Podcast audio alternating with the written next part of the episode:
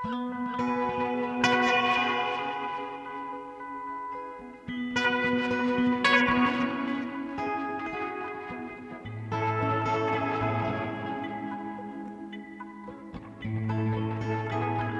og sæl, kæru hlustendur. Melkorka Ólafsdóttir heilsar ykkur úr hljóðstofu Víðsjár með ykkur daginn annan november. Í þætti dagsins er aðeins eitt umfjöllunar efni og það eru hljómsveitastjórar af kvenkinni. Í síðari hluta þáttar kemur hljómsveitastjórin söngkonan og feðluleikarin Ragnæður Ingun Jóhannsdóttir til okkar í fastanlið miðugudags þáttar Sveipmyndina. Hún tekur með sér tóndæmi og segir okkur af þeirri óhefbundnu leið sem hún hefur kosið í tónlistanámi sínu. Það er nefnilega þetta með hefðina. Hinga til hefur ekki verið mikil hefð fyrir því að konur stjórni symfóniuljónsettum. Þetta verðist smátt og smátt mögulega vera að breytast þó hægt hafi gengið. En í öllu falli er tilefni til að skoða sérstaklega og fjalla um þær konur sem fetað hafa torfæra brautina á hljómsveitarpallin eins og gestur dagsins hún Ragnæður Ingun Jóhannsdóttir.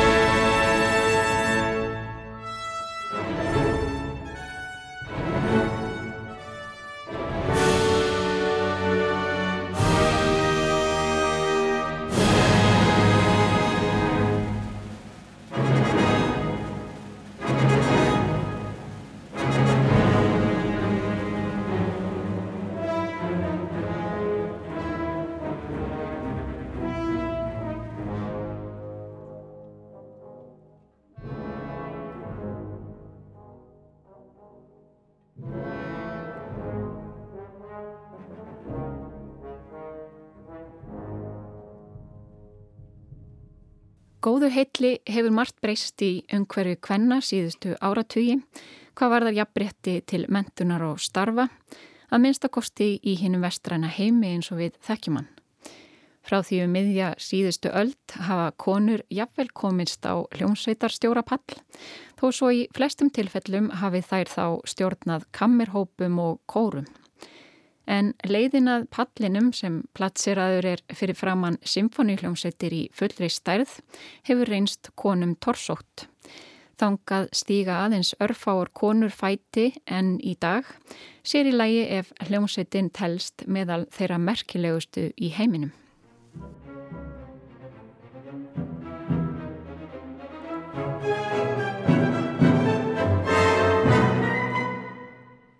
Tvær konur hafa verið orðaðar við þá óþjálu nabbót fyrsti kvennstjórnandi symfóníuhljónsettar.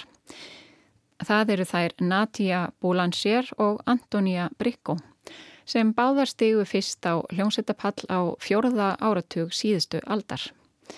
Antonia Bricco var dóttir einstæðrar móður í Rotterdam í Hollandi en flutti þegar hún var sex ára til bandaríkjana með fósturfóruldrum. Það er lærið hún listavél á píjánó og var farin að aðstóða við hljómsveitastjórn á háskóla árum. Seint á þriðja áratögnum flutt hún til Berlínar og útskrifaðist þar sem hljómsveitastjóri árið 1929. Ári síðar stegi hún á hljómsveitastjóra Pall sem þykir með þeim flottustu enn í dag, þann fyrir framann Berlínar fílharmoníuna.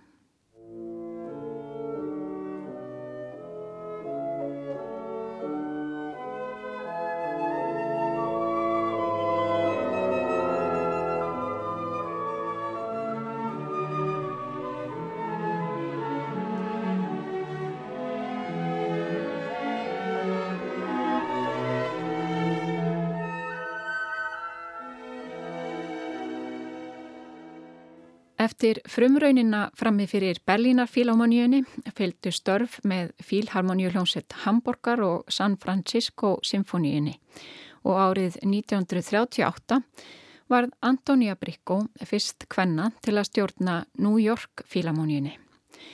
Þegar Bricco síndi áhuga á stöðu aðaljónsettastjóra hjá New York Phil, hvað þó við annan tón og svarið var á þessa leið.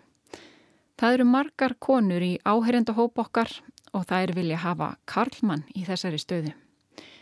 Á ýmsu gekk í baróttu Antoníu Bricco fyrir því að fá að starfa við það sem hann langaði til en meðal þeirra sem mátu störf hennar Mikils var finska tónskaldið Sjón Sibelius sem bað Bricco um að stjórna öllum sínum hljómsettarverkum á tónleikum í Helsingi.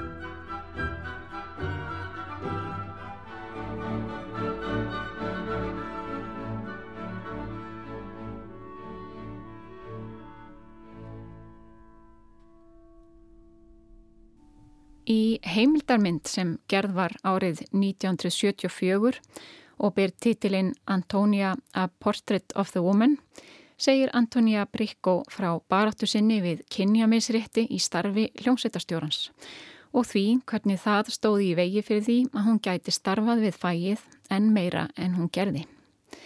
Þess maður geta að annar höfundur myndarinnar var ameríska þjóðlagasöngunan Judy Collins sem var nefandi Antoníu Bricco.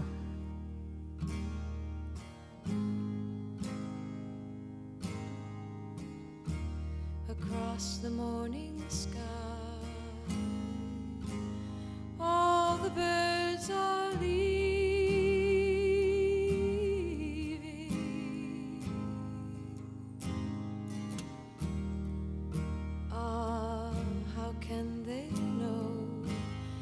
it's time for them to go.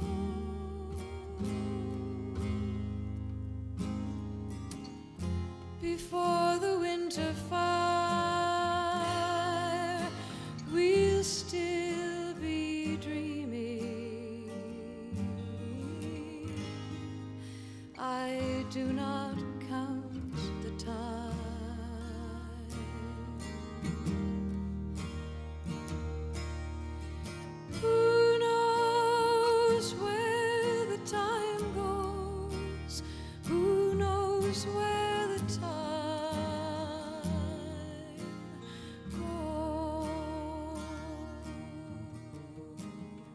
Nadia Boulanger var einn virtasti tónlistakennari 20. aldar og hefur líka fengið nafnbótina fyrsti kvennstjórnandin. Boulanger læriði í Parísar konservatóriinu og naut þar þegar mikillar virðingar. Hún ákvað snemma að verða kennari og hafði gífuleg áhrif sem slíkur. Á lönguferli kentu hún í Fraklandi, Breitlandi og í Bandaríkjónum og meðal nefnda hennar voru ekki minni nöfn en Daniel Barenboim, Bert Bacharach, Elliot Carter, Aaron Copland, John Elliot Gardiner, Philip Glass, Quincy Jones og Astor Piazzolla. Nadia Boulanger stjórnaði þó nokkrum að merkustu symfóniuljósettum í Evrópu og Ameríku fyrst kvenna á árunum 1937 til 1938. Meðal þeirra voru konunglega fílamónian í London og symfóniuljósett BBC, symfóniuljósettinnar í Boston og Hull og New York fílamónian. Hún stjórnaði líka frumflutningi á tónverkum heimsþektra tónskálda, meðal annars verkum Igors Stravinski og Aron Copland. Hér heyrim við brotur Fóri Requiem í flutningi í New York Fílamóniunar undir stjórn Nadju Boulanger á upptöku úr Carnegie Hall frá árunni 1962.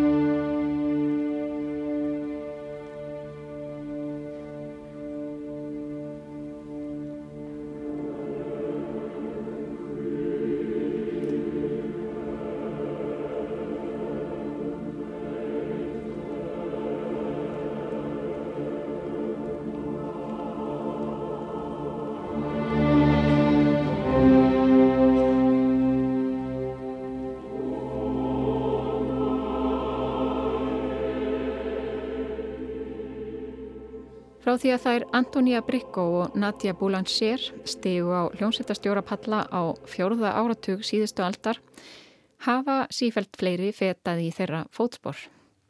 Meðal þeirra fyrstu voru hinn breska Gwendolyn Avril Coleridge Taylor sem stopnaði sína eigin hljómsveit til að geta stjórnað og Imogen Holst, dóttir tónskáldsins Gustaf Holst en hún starfaði sem listrætt stjórnandi Aldenburg hátíðarinnar í áratvíi. En af einhverjum ástæðum veriðist starf aðal hljómsveitastjórans en í dag, tæpum hundra árum síðar, en vera konum torsótt, þó ímsum þeirra leifist að stjórna sem gestir eða að stjórna minni hópum eða við minna markverð tilefni. Á listum tónlistatímarita yfir eftirsóttustu hljómsveitastjóra samtímans sjást varla kvennöfn og slíknöfn sjást heldur ekki með títlum aða hljómsveitastjóra þeirra symfóniljónsveita sem merkilegastar þykja í heiminum í dag.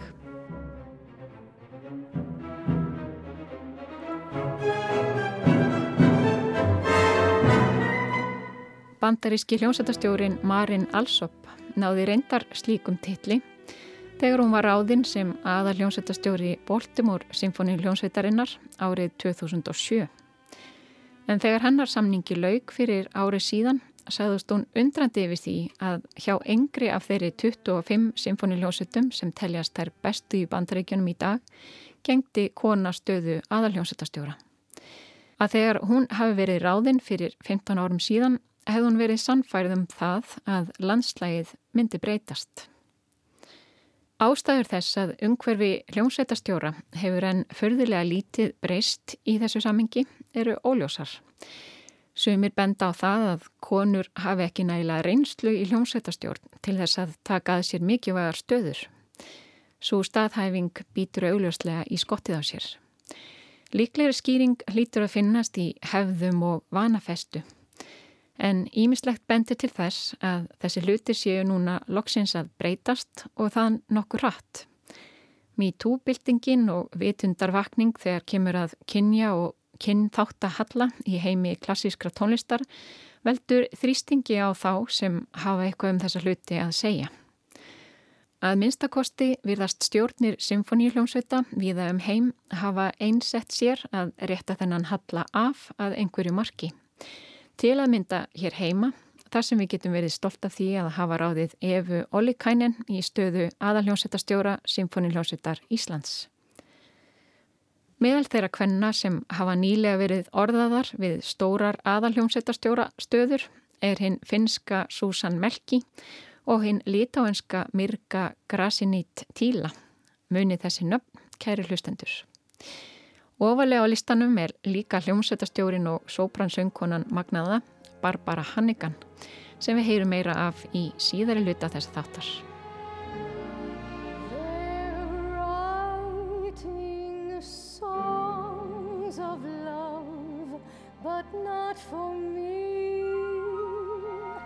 A lucky stars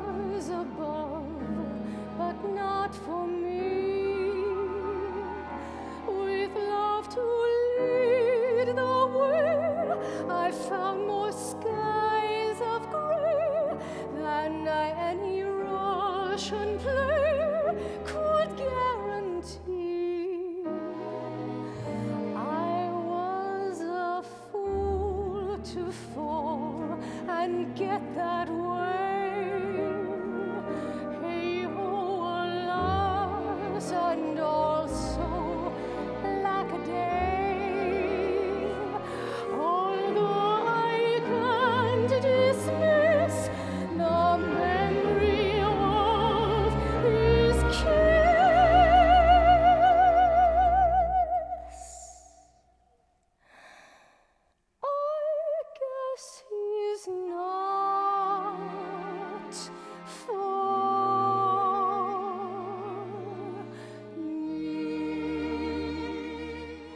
Ímislegt verðist benda til þess að hinn hægenga þróun í átt til jafnbrettis á hljómsveitastjórapallinum gæti náð nýjum hæðum á næstu árum eða áratugum. Umræðan hjálpar og hún hefur meira að segja náð til stærstu kvikmyndaháttíða heims Því fyrir í haust var frumsýnd í Feneum kvikmyndin Tár sem fjallaremitum fyrstu konuna sem gerist aðaljónsettastjóri Berlínar Fílamóníunar. Svo persóna er þó upp dyktuð. Hljómsveitastjóran leikur engin önnur en Kate Blanchett og frumsanda tónlist í myndinni á okkar eigin Hildur Guðnadóttir. Kvikmyndin Tár fór í almennar síningar Vestanhafs nú um helgina, svo vonandi geta íslenskir gestir síðana í bíó fljótlega. Og vonandi geta gestir symfóniutónleika líka séð fleiri konur í stöðum aðalhljómsveitastjóra, stærstu hljómsveita heims fljótlega, ekki bara í bíó.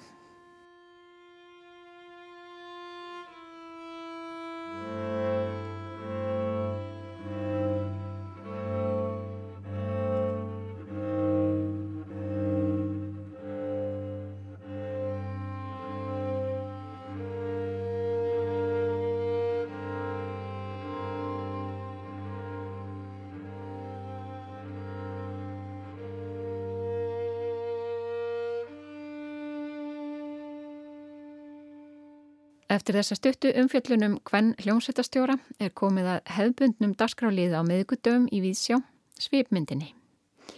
Gestur okkar í dag er hljómsveitastjórin og sóbransönkonan Ragnæður Ingun Jóhannsdóttir.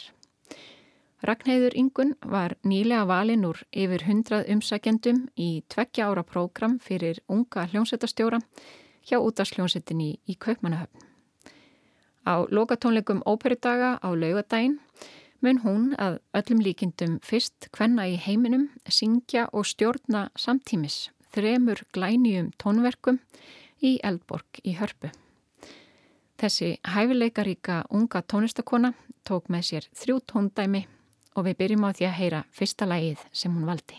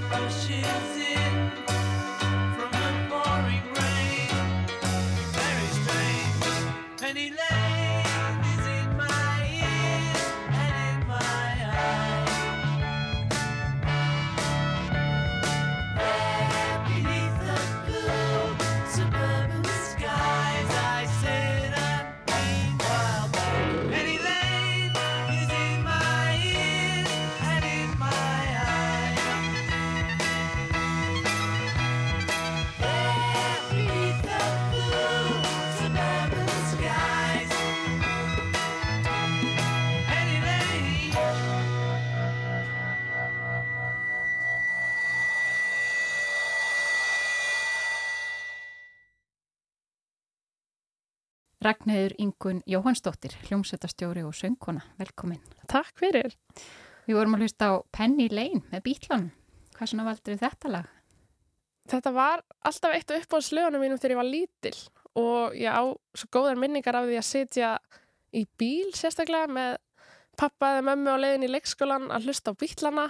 Ég hlusta nú líka víst ofta á hérna, lögin voru Oliver Twist og pianokoncerta Mozart og alls konar skemmtilegt og en Bítlandi voru alltaf í sérstöku uppáhaldi og ég kunni nú eiginlega bara held í allar plötunar bara nánast utan að Já, var þetta mikið spilað á þínu bærsku heimili? Já, mjög mikið sko. Bítlarnir og svo líka svolítið Beach Boys og Herman and Hermits.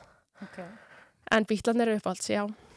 Þú ert alveg upp á miklu tónlistarheimili. Mamma þín Bryndis Pálsdóttir er fyrirleikari í Symfónlust Íslands og pappiðinn Jóhann G. Jóhansson tónskáld og textasmiður og píjónuleikari.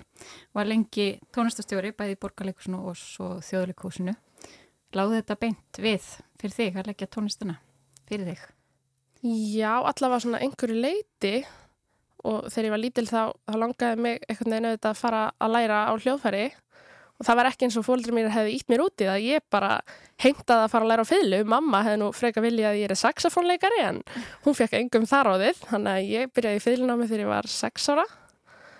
Og það bara gekk vel og var flott en ég var líki ballett og alls konar öðru fannst gaman í skólinum að læra og, og hafði gaman af bara rosalega mörgu. Uh, svo þegar ég var búið með grunnskólan þá langaði mig að fara að bæta söngnámi við. Það hafði ég verið í badnasýningum í leikúsinu. Ég var kamila í kartmámbænum þegar ég var sjöra mm -hmm. og í fleiri sýningum og hafði alltaf þótt mjög gaman að syngja og hafði kannski líka svolítið verið að syngja bara pop og jazz og meira í, í þeimdúr. Mm -hmm. En svo langaði mig svolítið að fara að læra hjá dittu Þannig að ég byrjaði hjá henni í tónlistaskólinum í Reykjavík þegar ég var 15 ára og var þá líka í fyrlunámi hjá Guðni Guðmundsdóttur og söngur byrjaði bara sem svona auka fag mm -hmm. á móti fyrlunni en svo einhvern veginn var það líka svo gaman og gekk vel og ég týmdi ekkert að, að hætta því. Nei, erstu einu af þessum konum sem er með fleiri glukkutíma í sólarhengdum heldur en við hinn? Segir þú Melkorka? Nei, ég menna, ég, ég veit það ekki. Ég, ég hef alltaf að, að finna tíma til að gera allt sem ég langar að gera. Það kannski kemur stundum niður á svefni og, og öðru en, en jú, ég bara, já, ég vil ekki sleppa neinu. Ég vil ekkert neina að halda öllum, öllum dyrum opnum og, og gera allt sem ég langar að gera. Mm -hmm. Það sé kannski ekki öllu leiti hægt. En þú kláraðir háskólanum bæði í fylguleik og söng? Já, uh, ég sérst fór í listaháskólan eftir útskrift úr mentaskólanum í Reykjavík uh, og var þar í fullu námi bæði í fylgu og söng og það var nú eiginlega bara út af góðvild kennrana minna þar að þau einhvern veginn leiði mér að gera þetta allt og það er alls ekkert sjálfsagt að fá það af því að þetta getur maður þá ekki varið jafn miklum tíma í í hvortum sigum að færa að gera bæði.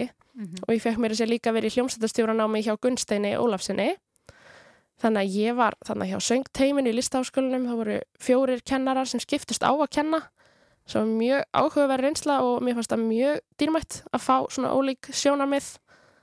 Og svo var ég hjá Guðni Guðmunds á fylgu, hjá Gunsteini í hljómsættastjórn alveg á fullu. Og COVID kom sér kannski bara smá vel fyrir mig af því að þá hafði ég einhvern veginn ekkert annað að gera. Ég var bara alltaf heima hjá mér alltaf að, að æfa mig og læra og sinna þessu öllu. Ég hafði ekkert að fara ekkert að gera annað. Þannig að ég náði einhvern veginn að nýta þann tíma bara nokkuð vel. Mm -hmm. Og svo útskrifaðist ég úr listaháskólanum vorið 2021 og held sest, tónleika sama dag bæði sest, á feyðlu klukkan 1 og söng klukkan 8 það var hektísku dagur en ótrúlega gaman Það er ekkert smáraði. En mannstu hvenar þú fórst að hugsa um hljómsveitastjórnina sem einhvað sem að þið langaði að gera? Já, ég haf, hef alltaf haft áhuga á því. Uh, þegar ég var lítil þá var á í sérstöku uppáhaldi hjá mér. Mm -hmm. Ég veit ekki af hverju en, en svona ég, ég var náttúrulega mjög ofta á symfoníutónleikum þegar mamma var í hljómsveitinni og við pappi fórum oft saman á tónleika alveg frá ég var pínu lítill og ég var einmitt að ræða þetta við um daginn pappi var að segja að hann hefði ekki þurft að þvinga mig til að koma, ég hefði bara alltaf verið til í að fara það var eitthvað bara sjálfsagt, þau þurfti ekki að retta pössuna því ég fó bara með á tónleikana Já. og þá þetta fylgist ég með alls konar stjórnendum og já, svo svona þegar ég var komin út í þennan svona kannski svona multi-músik geira með því að vera bæði fylgu og söng og búin að vera eitthvað að prófa mismunandi stíla af tónlist líka, pop og jazz og svona aðeins að kynast þessu líka þá einhvern veginn og búin að vera í sko ræðumennsku. Ég vann Morfís fyrsta árunum mín í MR, það var ógislega skemmtilegt. Uh, þannig ég, svona, ég er alveg vöna að standa fyrir framar fólk og tala og segja það sem ég finnst. Og það er náttúrulega eitthvað sem hljómsættastjórar þurfa að geta gert. Og búin að fá mikla reynslu af hljómsættarspili þannig að það er bara svo dýrmætt hvaða er. Eru miklu möguleikar fyrir tónlistafólk á Íslandi að spila í ungbenna hljómsættum bæðið symfóníurhjóðst unga fólksinn sem Gunstein hefur uh, séðum í öll þessi ár og ungsveit symfóníunar þetta er bara svo frábært tækifæri fyrir mm. ung tónlistafólk og ég væri alveg klálega ekki aðeins ef ég hef ekki fengið þessa hljómsveita reynslu Nei mitt Hún nýtist þér vantarlega þegar þú ert að stjórna þessi reynsla af að hafa setið inn í hljómsveitinni. Já, alveg 100% og það er líka örgulega ástaf þess að svo margir strengjuleikir að verða hljómsveitastjórar en svo eru þetta frábæri hljómsveitastjórar líka pianistar sem hafa ekki eins mikla hljómsveita reynslu en jú, ég finnst það algjörlega skipta sköpum að ég hafi þessa, þessa fylunám að baki og þessa hljómsveitar spils reynslu ég væri alls ekki að þessu ef ég hef ekki þá reynslu. Við ætlum að heyra næsta lag sem þú valdir og þú kannski segir okkur betur frá því á eftir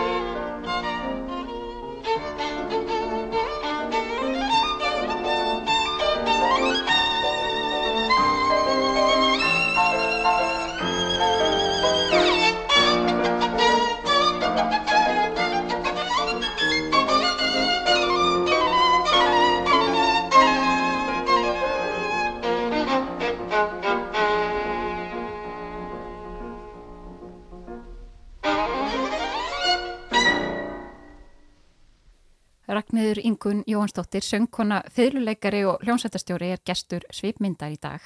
Hvað voru að hlusta á? Við vorum að hlusta á Preludíu eftir Görsvin sem var saman fyrir piano en er í útsetningu Haifets fyrir fiðl og piano og það eru Haifets sjálfur og Emanuel Bey sem leika og mér þykir svolítið vænt um þetta stykki. Ég rækst einhvern veginn á þetta og valdi þetta fyrir framhalsprófstónlingarna mína á fiðlu sem fóru fram hvað 2017 eða eitthvað svo leiðis og mér finnst þetta svo ótrúlega skemmtilegt og kannski tengir einmitt áhuga minn á jazzi og öðrum tónlistastílum við klassíkina af því þetta er tæknilega erfitt og skemmtilegt stykki en um leið svo svona stutt, laggott, djúsi, það er allt í þessu sko. Já. Þú nefndir Abato hérna áðan sem fyrirmynd í hljómsveitastjórn áttu þér fleiri fyrirmyndir? Já, á ég að fara að tala um Barbara Hannika núna eða? Já, sko, jú, þetta er fullt af fyrirmyndum og bara magnað að sjá hvað hljómsættastjórar eru ólíkir og þetta hefur þessi svona starfsgrein breyst ótrúlega mikið á síðustu árum og síðustu áratögum og það er bara svo skemmtilegt einhvern veginn hvað þeir eru ólíkir í samskiptur sínu við hljómsættina, hvernig þeir líta á þetta fyrirbæri, hvort þetta sé einhver einræðisæra sem stendur upp á palli og segir öllum öðrum hvað þeir eiga að gera og líti á sig sem einhvern alvald og halda að þeir viti langt best eða hvort þeir líti á hljómsveitina sem bara kollega og þetta sé allt saman á jafnbreiðis grundvelli af því að, og það er einmitt það sem mér er svolítið spennandi við þetta og líka svolítið svona óhugnalegt að vissi leiti að auðvitað þegar þú ert að stjórna hljómsveit þá stendur fyrir framann bara slatta af hljóðfæraleikurum sem eru búin að læra á hljóðfæri sitt og spila á það árum saman og vita, þú veist, ég veit ekkit mikið um eitthvað blásaratækni eða eitthvað. Mm -hmm. Þannig að mér finnst erfitt að segja blásurum til um eitthvað svoleiðis. Þannig að það maður verður svo mikið að treysta á allt sem hljóðfæralegarandi vita en um leið hafa sínar eigin skoðanir og vera ákveðin í því sem maður vil sjálfur. Þannig að þetta er svolítið svona balans í mm -hmm. því og einhvern veginn að hafa stjórn en vera samt næs og skemmtileg mm -hmm. um, og þetta er eitthvað sem hljómsættastjóra gera á svo mismunandi hátt og það týðkaðist nú miklu meira áður fyrir að hljómsættastjóra líti á sig sem einhver, einhvern alvald. Mm -hmm. Núna eru þeir oftast töluvert uh, svona meira næs í samskiptum við hljómsættina mm -hmm. og nú er það eiginlega bara en regla ef hljómsættastjóri er leiðilegur þá bara, það má hann ekkit starfa þannig. Einmitt. En heldur að þessar breytingar hafa verið nöðsynlegar til þess að, að konur kemist frekar að hljómsættastjórapallin? Það gæti alveg verið, ég menna, konur geta líka alveg verið frekar og leiðilar mm -hmm. og það er bara alltaf lagi. En jú, ég menna, þetta er náttúrulega bara fylgir uh, öllum feminískum breytingum sem hafa átt í stað, sem hafa verið sannlega nöðsynlegar. En jú, ég menna, ég veit ekki hver ástæðan er fyrir því að konur hafa síður farið að læra hljómsastjórn eða hvort það sé af því að þær hafa bara ekki fengið neinn tækifæri til þess þegar á holminni komið. Mm. En það er samt staðrind að það hafa miklu færri konur verið í hljómsastjóra námi uh, á meðan konur eru sálistar, einleikarar mm -hmm. og ná langt í því þá hafa einhvern veginn færri náðu langt í hljómsastjórn en nú finnst mér þetta vera sannlega að breytast bara ótrúlega rætt Einmitt.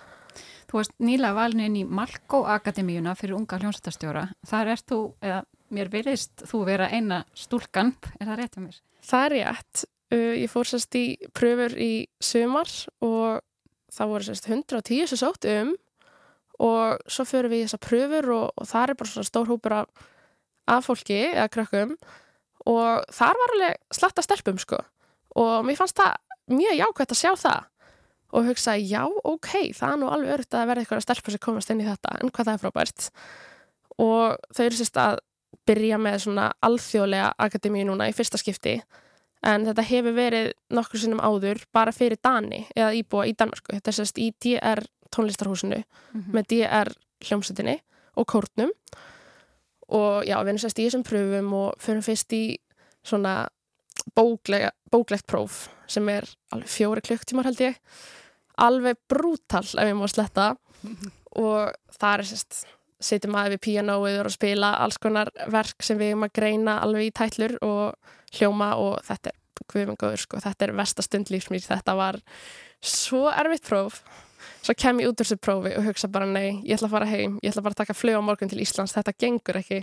En svo heyrði ég bara á öllum að það voru allir bara í nákvæmlega sömu stuð og ég. Mm -hmm. þá hugsa ég, ok, kannski er þetta alltaf læg já, já, ok, ég mæta morgun í næsta próf, þetta er alltaf læg þannig að svo mæti ég daginn eftir og þar á ég að spila á feiluna og syngja og spila piano og ég er sko ekki góð piano en það er í vinslu, það er í vinslu, það kemur vonandi.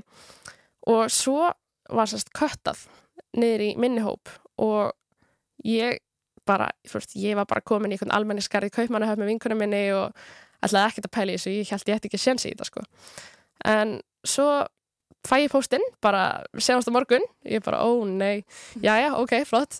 Og þá fer ég heim og undir við mig, þá vorum við búin að fá nótur að, glæni í stykki sem hefði aldrei verið flutt áður, hefði verið sami sérstaklega fyrir þessa pröfu sem var mjög, mjög flott stykki og skemmtilegt.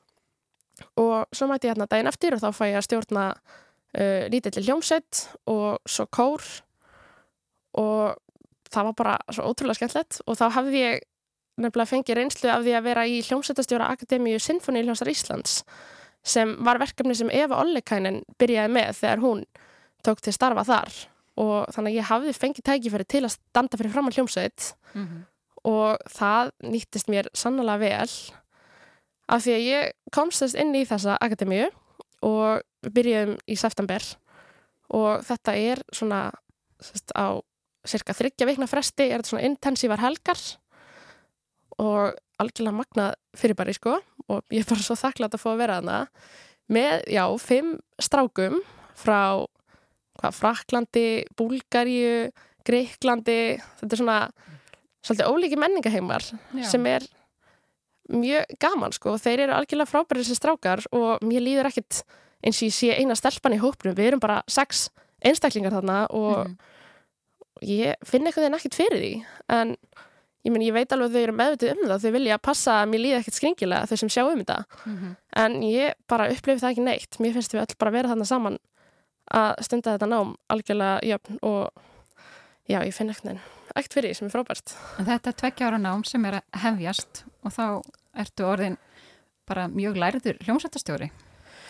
Já, ég segi það nú ekki, jú ég menna þetta er, þetta er voða intensíft og hérna því við fáum líka reynslu með hljómsveit Mhm. allar þessar helgar. Það er algjör luxus ég mitt hann Fabio Luisi sem er aðarstjórnandinn í DR hljómsveitinni hann talaði við okkur þarna fyrstu helginni og, og saði okkur að þegar hann hefði verið í námi þá hefði hann nú bara fengið samtals eitthvað korter eða hálftíma með hljómsveit á öllum sínum þreymur árum í, í námi í, í bakkalarnámi í hljómsveitstjórn Mhm. þannig að hann sagði að þetta sem við fengjum þarna að fá sko hálftíma 40 mínútur á mann allar þessar helgar fyrir fram að hljómsveit og kór þetta er náttúrulega bara eitthvað algjörlega magnað því að hljómsveitastjórn er ekkert sem þú getur æft einnin í herbyggi Einmitt. þú þarft að æfa hreyfingarnar, æfa allt sem þú gerir út frá því hvernig aðrir bregðast við því sem þú gerir Mhm. þetta er öðruvísi en að vera inn í æfingaherbyggi með fyrirlina þína í fjóra klukkutíma á dag og bara æfa þig og tæknina.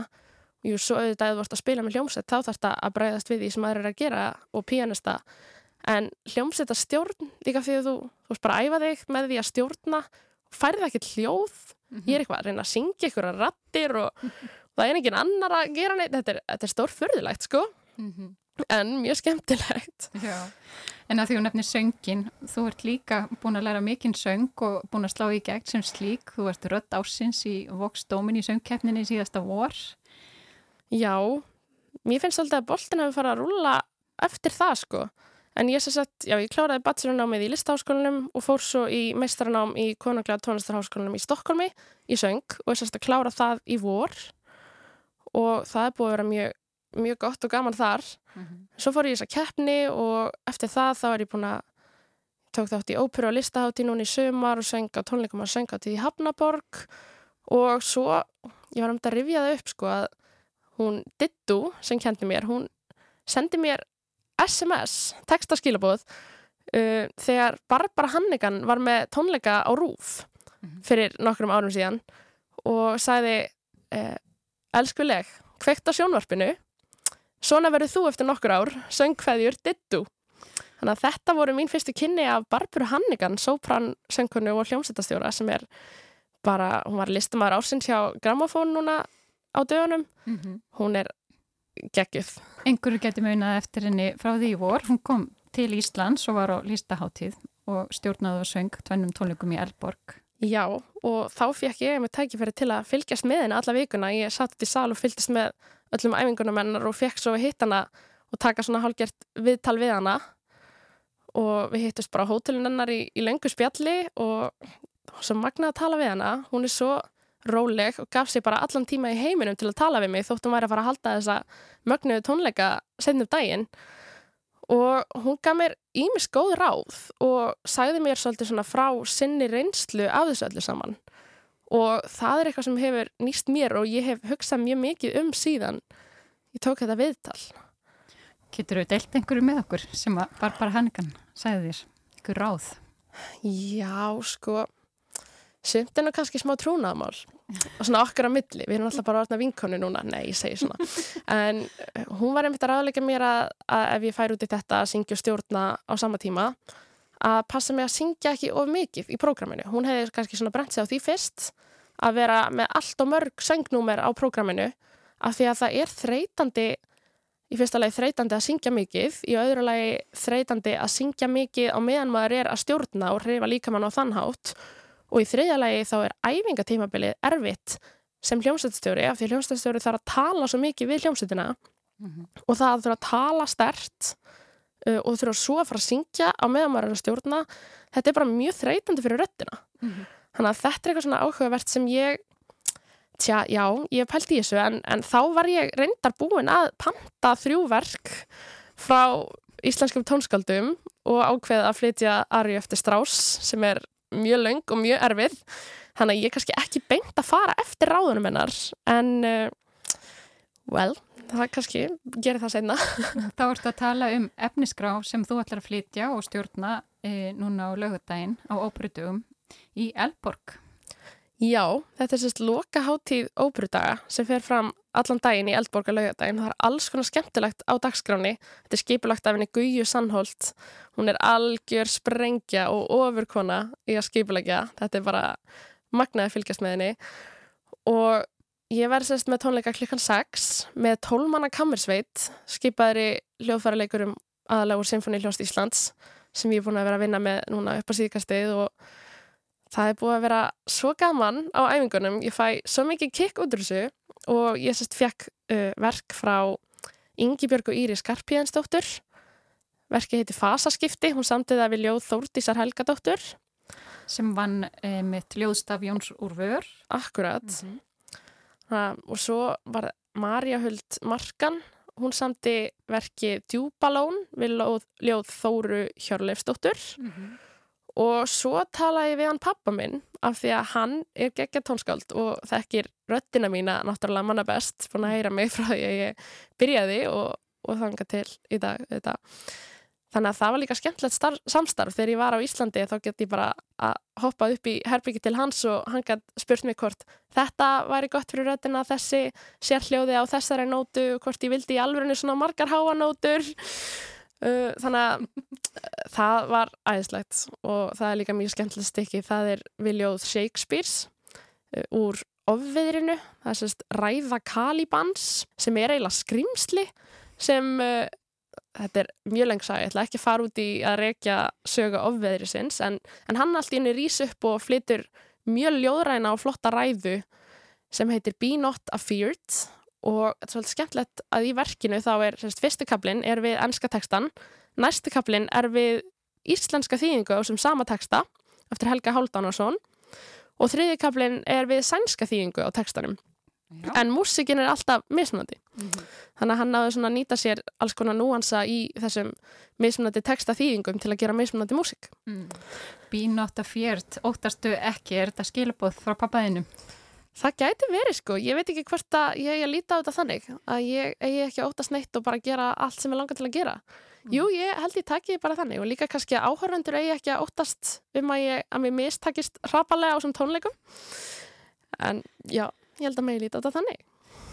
En þetta að stjórna og syngja í einu, þetta er kannski ekki það sem að margir hljómsveitastjórar gera. Er Barbara Hannigan, er hún svona eina af þeim fyrstu sem að byrja á þessu eða hvað?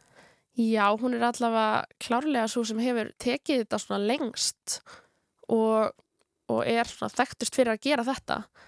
En líka því þetta er, þetta er auðvitað ekkert mjög náttúrulegt að vera að reyfa sig á þennan hátt þegar maður er að syngja að sömuleiti en að öðru leiti finnst, finnst mér þetta að hjálpa mér mjög mikið af því ég er alveg vöndi að reyfa mig svolítið mikið bæðið sem sönguna og fyrirleikari og það er kannski eitthvað sem söngkennarinn mínir hafa verið að reyna að láta mig hægt að gera til að ná betri hjartengingu þannig að núna er ég að reyna að samtvinna þessa hjartengingu og þessar reyfingar en um leið að reyna að reyfa mig sem minnst og sjá hvað hljómsetting getur gert bara með kammermusik og bara svona kontakt þeirra á milli.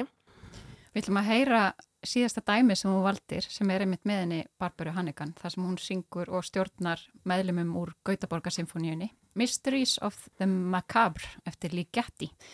Þetta er ekkit léttmeti og fyrir þá sem eru áhuga saman þið geta skoða vídeo af þessu á YouTube. Þar er hún í mikil múnderingu talandum hjartengingu af því hún er í mjög háum leðustífulum eða pleðustífulum og stjórnar þarna kammersveit. Ég ætlum að heyra þetta brot.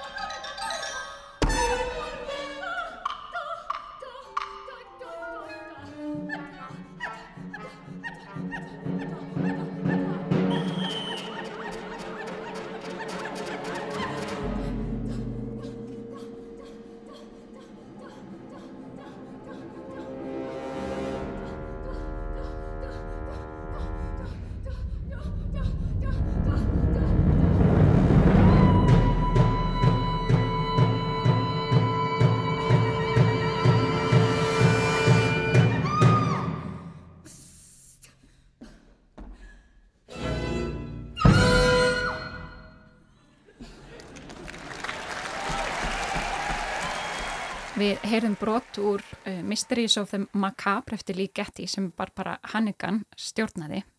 Segð okkur aðeins meira frá, frá þessu verki eða ykkar kynnum. Já, ég rætti þetta verk aðeins við hana þegar ég hitt hana af því að mér finnst þetta ótrúlega flott verk þótt það sé stórfyrðilegt. En þetta verk var náttúrulega ekki sami með það í huga að syngja og stjórna því á sama tíma.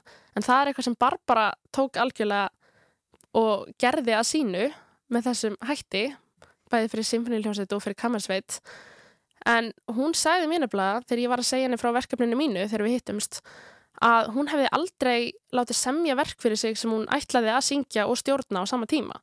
Það hefur verið gerð einu útsetning fyrir hana sem hún flutti einmitt núna með symfóníunni í júni á Görsvinn uh, verkum en í rauninni sagðan mér að þessi verk sem ég væri að fá samin núna í sumar væru fyrstu verkin bara í heiminum sem eru samin fyrir syngjandi stjórnanda. Þannig að þau eiga að vera fluttanig. Þannig að það er sérst, tónskaldin höfðu það í huga þegar þau voru að semja verkin að ég myndi syngja og stjórna á sama tíma. Þannig að þau ákvaðu ákvaða stöðum ég ætti að snúa mér að hljómsettinni, hvernig ég ætti að snúa mér út í sál og svona sniði þetta að því. Heldur að þú komið til með að deila þessum verkum með Barbaru? Það er spurning sko, hvort ég vilji bara fá enga rétt á þessu. Nei, það væri nú geggjaði, Barbara hefði áhuga á þessu sko. Við sjáum til, kannski kemur hún á tónleika eitthvað tíman. Já, það verður spennandi að fylgjast með þér og þínu ferli áfram, en við þurfum að ljúka þessu frábæra viðtali, það verður einslegt að hitta þig. Við ætlum að klára þetta með nokkrum spurningum af spurningalista Prúst eins og við höfum gert með aðra gesti svipmyndarinnar. Það eru þrjá spurningar sem að eru svona hraðaspurningar. Og fyrsta spurningin er, áttu þér uppáhalds rítöfund? Astrid Lindgren. Það er auðvelt að sjá það í þínu fari. Og Róald Dahl. Já. um, við hvaða aðstöður myndu þú mögulega að segja ósatt? Oh. Ekki út á sviðtal allavega. Og þá er það loka spurningin, hvernig er þín hugmynd um fullkomna hamingu?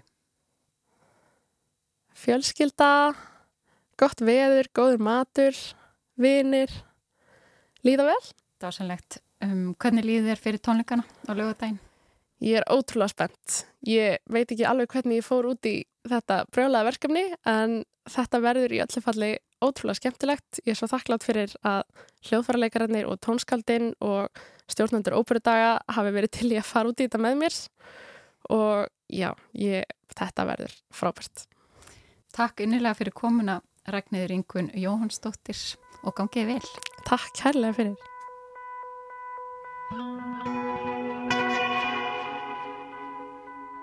Og með því líkur þætti dagsins. Við minnum hlustendur á að við sjáum á nálgast í spilararúf og helstu hlaðvarpsveitum hvena sem er.